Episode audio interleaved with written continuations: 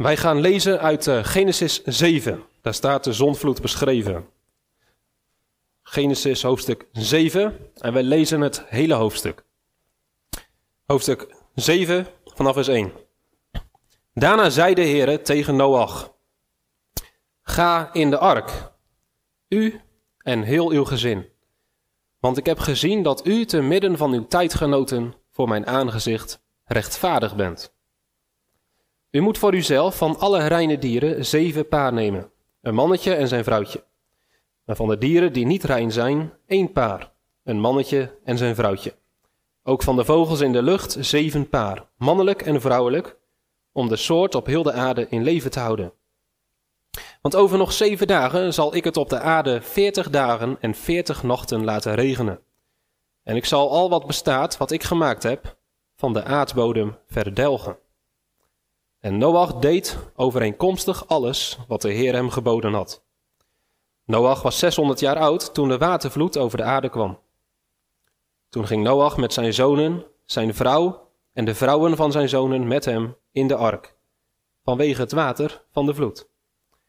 Van de reine dieren, van de dieren die niet rein waren, van de vogels en van alles wat over de aarde kruipt, kwamen er twee aan twee naar Noach in de ark, mannelijk en vrouwelijk, zoals God aan Noach had geboden.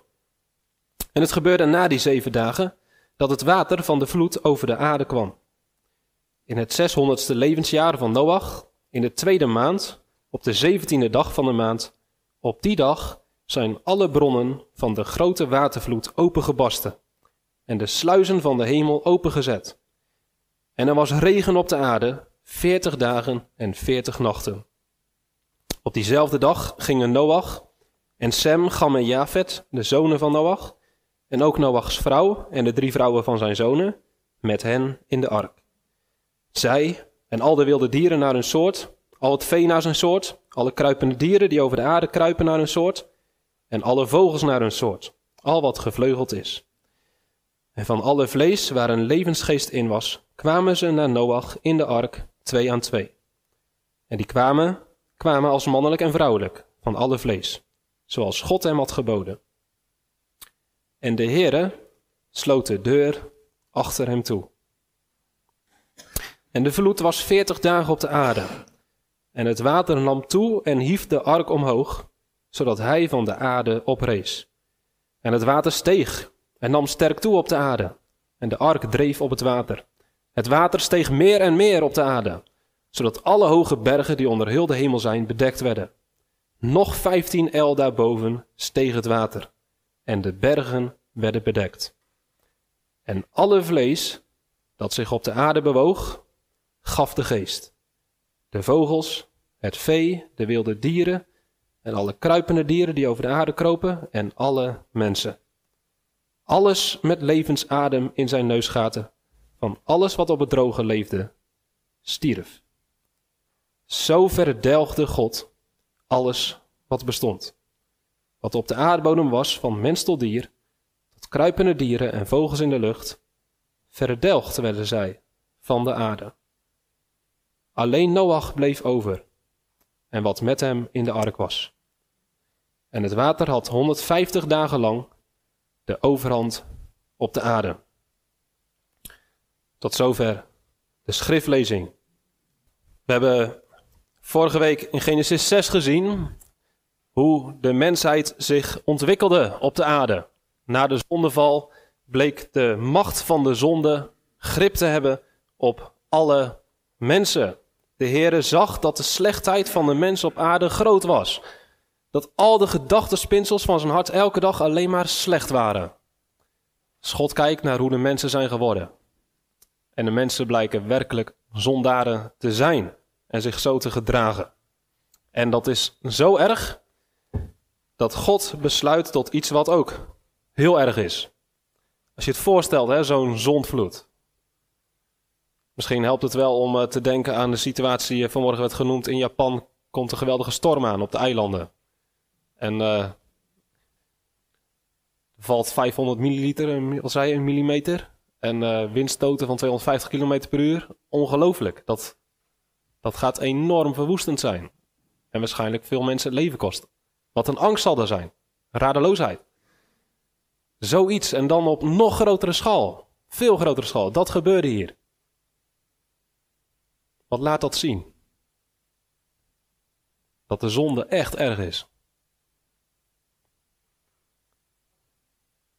de zonde is zo erg dat God zegt: Ik ga mijn schepping ga ik zuiveren. Mijn goede aarde, die moet bewaard worden van al dat kwaad. En dit is de gepaste maatregel. Dus we zien de slechtheid van de mens. Vanmorgen wil ik uh, de aandacht richten vooral op de eigenschappen van God. Hoe komen we God nou tegen in het hele verhaal? Welke eigenschappen van God blijken hieruit? En de eerste eigenschap die duidelijk in deze geschiedenis naar voren komt, is het geduld van God. God is enorm geduldig. Dat betekent, hij straft niet meteen, maar hij stelt het heel lang uit. We hebben gezien dat uh, na Adam tot aan Noach minimaal duizend jaar zit. Misschien zelfs 1500 jaar. Dus dat betekent dat God 1500 jaar geduld heeft gehad. Na de zondeval heeft hij continu gezien hoe mensen zijn geboden overtraden. Hoe mensen elkaar vermoorden, hoe mensen elkaar misbruikten, hoe mensen aan het liegen waren, hoe mensen alle dingen verkeerd deden. En God heeft 1500 jaar lang gewacht met dit oordeel. Terwijl hij vanaf het begin dat oordeel had kunnen geven.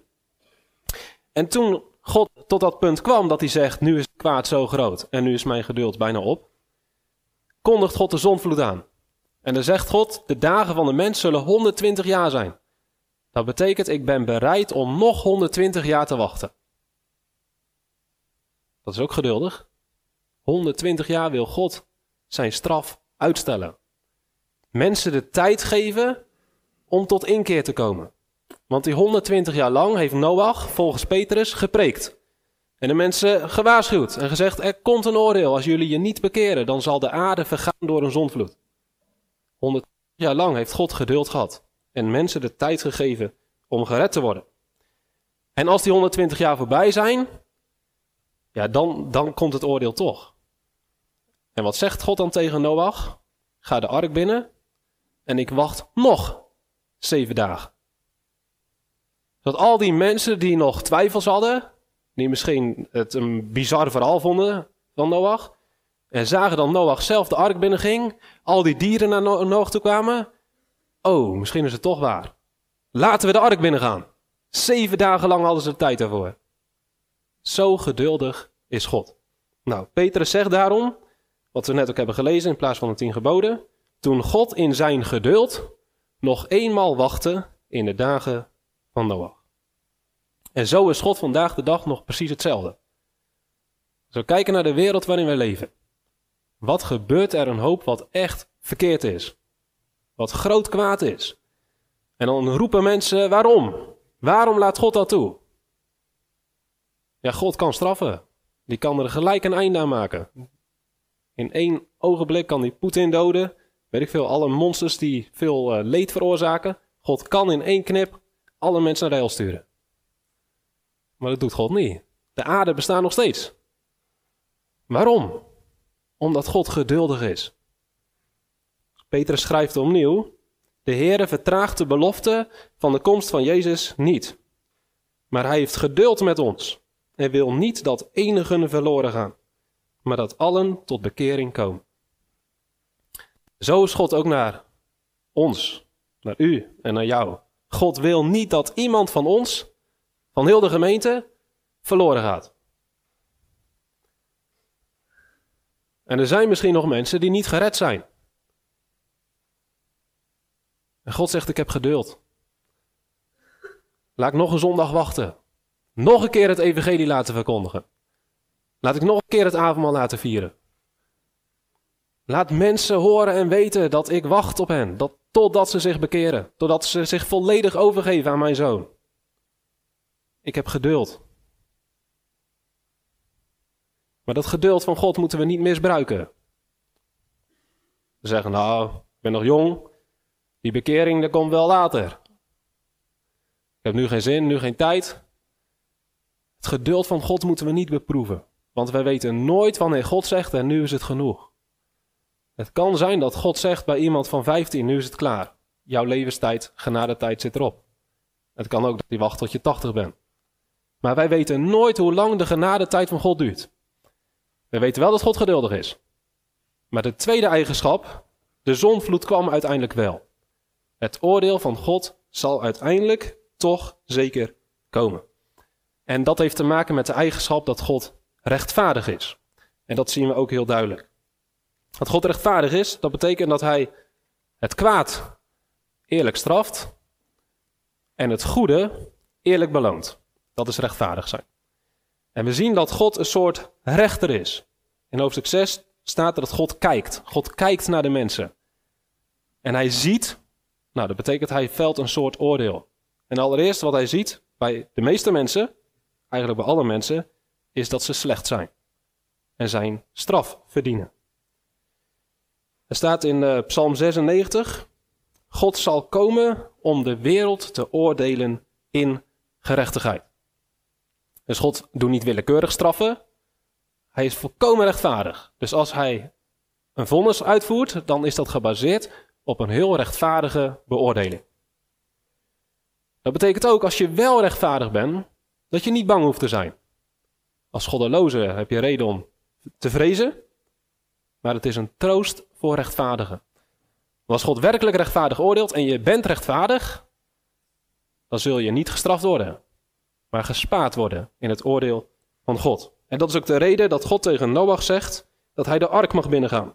In Genesis 7, vers 1 zegt God: Ik heb gezien dat u te midden van uw tijdgenoten voor mijn aangezicht rechtvaardig bent. Ga de ark binnen. Ik denk ook, dat weet ik al zeker, als er andere mensen net als Noach ook rechtvaardig waren, dan waren ze ook gespaard. 100%. Er is niemand op dat moment verdronken die ook net als Noach volkomen rechtvaardig was voor God. Want God is eerlijk. Dus als er andere mensen rechtvaardig zouden zijn geweest, zouden ze net als Noach gespaard zijn. Maar blijkbaar zijn er niet. Petrus, die uh, meerdere dingen over. Uh, in de brief van Petrus kom je heel veel verwijzingen tegen naar deze geschiedenis. En bij een van die verwijzingen maakt Petrus de volgende toepassing. Hij zegt: Zo weet de Heer ook nu de godvruchtigen uit de verzoeking te verlossen, maar de onrechtvaardigen te bewaren tot de dag van het oordeel, om gestraft te worden. Dus vandaar ook de vraag vorige week: waar horen wij bij? Horen wij bij de rechtvaardigen? Lijken wij op Noach? Of horen wij bij de tijdgenoten van Noach, bij al die onrechtvaardigen, bij de goddelozen? En uiteindelijk zal dat beslissend zijn in het eindoordeel van God. Net als God kwam om te oordelen met de zondvloed, zo komt God straks nog een keer om te oordelen met vuur bij de wederkomst van zijn zoon. En dat zal een moment zijn dat God heeft bepaald om de goddelozen te straffen. Maar dan zullen de godvruchtigen bewaard worden. Waar horen wij bij? Ik hoop dat u daar deze week een beetje over na hebt gedacht. Best wel serieus over hem nagedacht.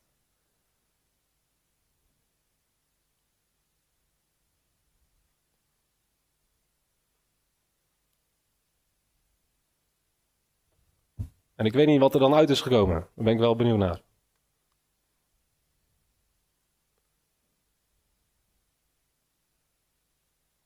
Zijn wij mensen die lijken op Noach? Leven wij in deze goddeloze wereld anders? Of gaan we mee? Met het plezier en de losbandigheid van de wereld. God kent ons. Hij weet ons hart, hij weet onze verlangens, onze gedachten. Nou, nu is het zo dat van nature wij als mensen allemaal niet op Noach lijken.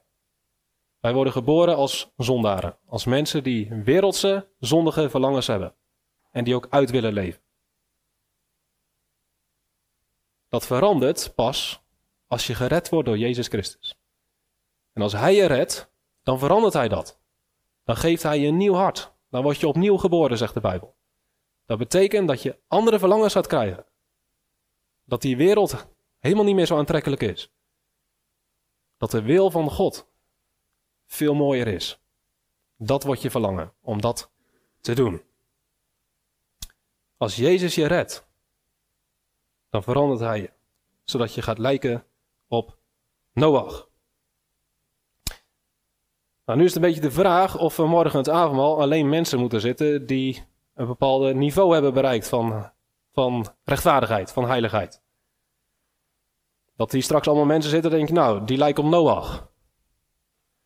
Er staat in het avondmaalformulier, dat hebben we vorige week ook gelezen, wij komen niet tot het avondmaal om daarmee te betuigen, te vertellen, dat wij in onszelf volkomen en rechtvaardig zijn.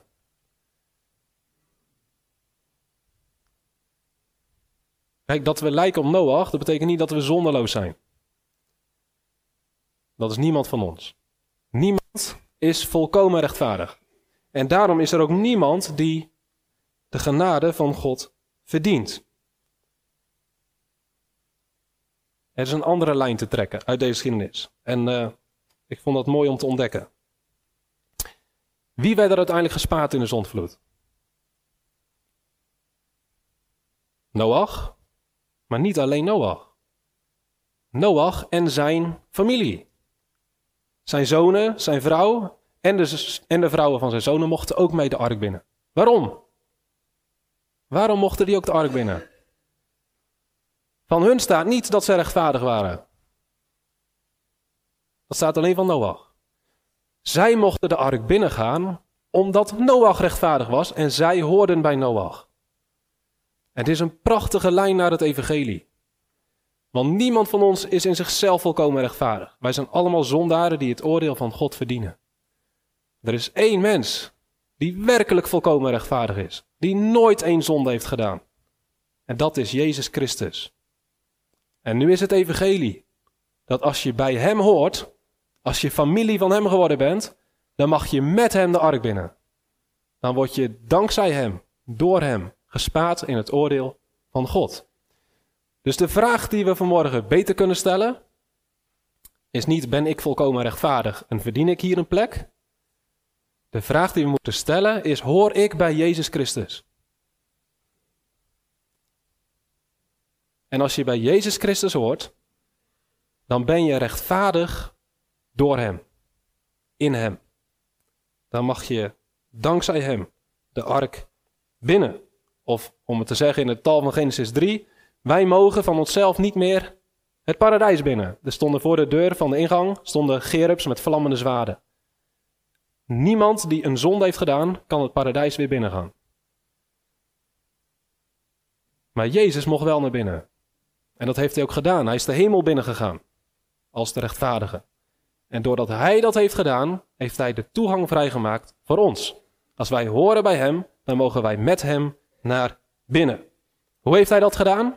Hoe zorgt hij ervoor dat wij mee naar binnen mogen? Nou, dat heeft te maken met het feit dat hij is gestorven. Dat hij een offer heeft gebracht. Dat hij zijn bloed heeft gestort. En dat bloed, dat reinigt ons van alle zonden. Dankzij dat bloed is er vergeving. En als wij gereinigd zijn van onze zonden, als we vergeving hebben gekregen, dan zijn we door Hem ook rechtvaardig geworden. We zien dus ook dat God, dat is de derde eigenschap wat we duidelijk zien, dat God genadig is.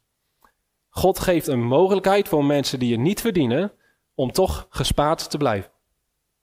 God geeft in het oordeel een mogelijkheid om niet gestraft te worden. Ik kan het accent ook iets anders leggen. Hij geeft niet alleen een mogelijkheid, hij geeft één mogelijkheid. Er is één manier om behouden te worden. En dat was bij Noach, was de ark. Er waren niet, er was niet een keuzemenu, er komt straks een zondvloed. En dit zijn de opties om daarin uh, in gespaard te blijven. Er was geen keuze, er was één keus. Er is een ark. En als je daarin gaat, dan word je gespaard. En als je daar niet in gaat, dan ga je verloren. Zo is het ook met het evangelie.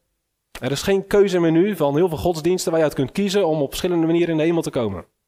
Er is maar één manier om gespaard te worden in het oordeel van God. Er is één naam onder de hemel gegeven waardoor wij zalig moeten worden. Staat in de handelingen. Jezus zegt, ik ben de weg. Niet een weg, ik ben de weg. En niemand komt tot de Vader dan door mij. Dus God is genadig en hij voorziet in één mogelijkheid om gespaard te worden in het oordeel. En in de tijd van Noach was dat de ark. En voor ons is dat Jezus Christus. Nu vraagt dat van onze kant geloof. Als we niet geloven dat er een uh, oordeel van God komt, al je schouders op en leef je door. God zei tegen Noach, er komt een zondvloed. Als Noach had gezegd, ja, lijkt me een beetje onwaarschijnlijk. Ik geloof het eigenlijk niet zo, het zal wel loslopen. We zien wel wat er komt. En als het gebeurt, dan weten we het zeker. Als Noach zo'n houding had gehad, was hij nooit aan die ark begonnen met timmeren. En was hij ook niet de ark binnengegaan. We hebben nog een verhaal in Genesis wat minstens zo heftig is. Dat is de verwoesting van Sodom en Gomorra. Dan gaan de engelen gaan naar Lot toe en gaan vertellen dat het oordeel komt. Dat God vuur uit de hemel gaat regenen. Dat de steden verwoest zullen worden. Als Noach had gezegd, zal wel, was hij lekker in zijn huis blijven zitten. En was hij ook verloren gegaan. Er staat zelfs dat uh, Lot, die geloofde het wel, en daarom vertrok hij ook uit Sodom en Gomorra. Maar uh, Lot ging het ook tegen zijn schoonzonen vertellen. En er staat dan, zijn schoonzonen, uh, ik ga het even opzoeken, die geloofden hem niet. En dan staat er, ik ga het hele vers voorlezen. Toen ging Lot naar buiten en sprak tot zijn schoonzonen, die zijn dochters tot vrouwen zouden nemen. En hij zei, sta op, ga naar buiten uit deze plaats, want de Heere gaat deze stad te gronden richten. Maar Lot was in de ogen van zijn schoonzonen als iemand die grappen maakte. Het woord grappen staat dus in de Bijbel. Lot vertelt dat er het oordeel van God komt. En die schoonzonen beginnen hard te lachen en zeggen: Wat een grap, ha ha ha, hoe verzin je het? En omdat zij dachten dat het een grap was, vluchtten ze niet uit de stad en kwamen ze om in het oordeel van God. Het vraagt van ons geloof dat God werkelijk straks terugkomt en de wereld zal oordelen in gerechtigheid. Als we dat niet geloven, dan maken we ons ook niet druk om. Heel veel mensen zijn super onverschillig over de wederkomst van Jezus Christus. Het boeit ze niet. Het interesseert ze niet. Ze liggen niet wakker van, want ze geloven het niet. Maar als je het gelooft, dan neem je het serieus. En als je het serieus neemt, dan neem je ook de mogelijkheid die God heeft gegeven om gered te worden serieus. Voor Noach was dat het bouwen van de ark. Hij geloofde dat er zondvloed kwam, dus hij ging in de ark. Als wij werkelijk geloven dat God rechtvaardig zal oordelen, dan gaan wij gebruik maken van het middel wat Hij ons heeft gegeven om gespaard te worden. En dat is Jezus Christus. Het vraagt van ons geloof dat Jezus ons werkelijk kan en wil en zal zalig maken en verlossen van de komende toorn. Dus wat doen wij? Het gaat niet alleen om ga je wel of niet uit avondmaal. Een meer belangrijke vraag, die er wel natuurlijk mee te maken heeft. Wat doen wij met de Heer Jezus? Verbinden wij ons aan de Heer Jezus? Geven wij ons over aan de Heer Jezus? Onderwerpen wij ons aan de Heer Jezus? Gaan wij de ark binnen? Of gaan we verder met ons eigen leven? En laten we Jezus voor wie die is? Of gebruiken we Jezus alleen als het ons uitkomt? Hoe gaan wij om met de zaligmaker? En Jezus vraagt van ons dat we ons hele hart en ons hele leven aan Hem overgeven. En dan zegt Jezus, ik ben de deur. En als iemand naar, door mij naar binnen gaat, zal hij behouden worden. Bent u door die deur gegaan? Bent u naar de Heer Jezus gegaan en zegt, ik ben een zondaar die niet rechtvaardig is voor God en het oordeel van God verdient? Red mij. Vergeef mij. Verlos mij van de zonde. Bewaar mij voor het oordeel van God. Ik geef me aan u over. En wie dat doet, is behouden. Er staat een tekst in uh, Hebreeën.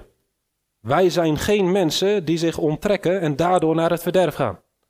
Wij zijn mensen die geloven tot behoud van hun ziel. Ik hoop dat u dit zegt. Wij zijn niet mensen die het evangelie aan de kant schuiven, die het uh, eigen leven voortzetten. Als je dat doet, ga je verloren. Nee, wij zijn mensen die geloven, die ons vertrouwen stellen op de Heer Jezus, die ons overgeven aan Hem, tot behoud, tot redding van onze ziel. In dit geloof, wat uh, heel zwak kan zijn, wat samen kan gaan met misschien met twijfels en aanvechtingen, in dit geloof wil God ons versterken. Hij weet dat wij het soms moeilijk vinden om te geloven. Hij weet dat ons geloof soms klein is. Dat we soms veel twijfels hebben. En daarom heeft God gezegd: Ik wil hun in dit geloof ook laten groeien. Ik wil in dit geloof bemoedigen. Ik wil in dit geloof sterk laten worden. En ik geef daarom het heilige avondmaal. Zodat ze niet alleen horen, dat ze het ook zien. En veel mensen vinden het makkelijker om iets te begrijpen en te geloven als ze het zien, dan alleen dat ze het horen. Dus God zegt, ik laat nu vanmorgen weer opnieuw zichtbaar zien dat mijn zoon is gekomen naar de aarde om zondaren zalig te maken. dat heeft hij gedaan door aan het kruis te sterven. Hij heeft zijn lichaam opgeofferd. Dat is het brood. Hij heeft zijn bloed gestort. Dat is de wijn. En iedereen die dat in het geloof ontvangt, krijgt vergeving van alle zonden en eeuwig leven. Het is een geweldig evangelie. En laten we dankbaar zijn dat het evangelie zo mag verkondigd worden.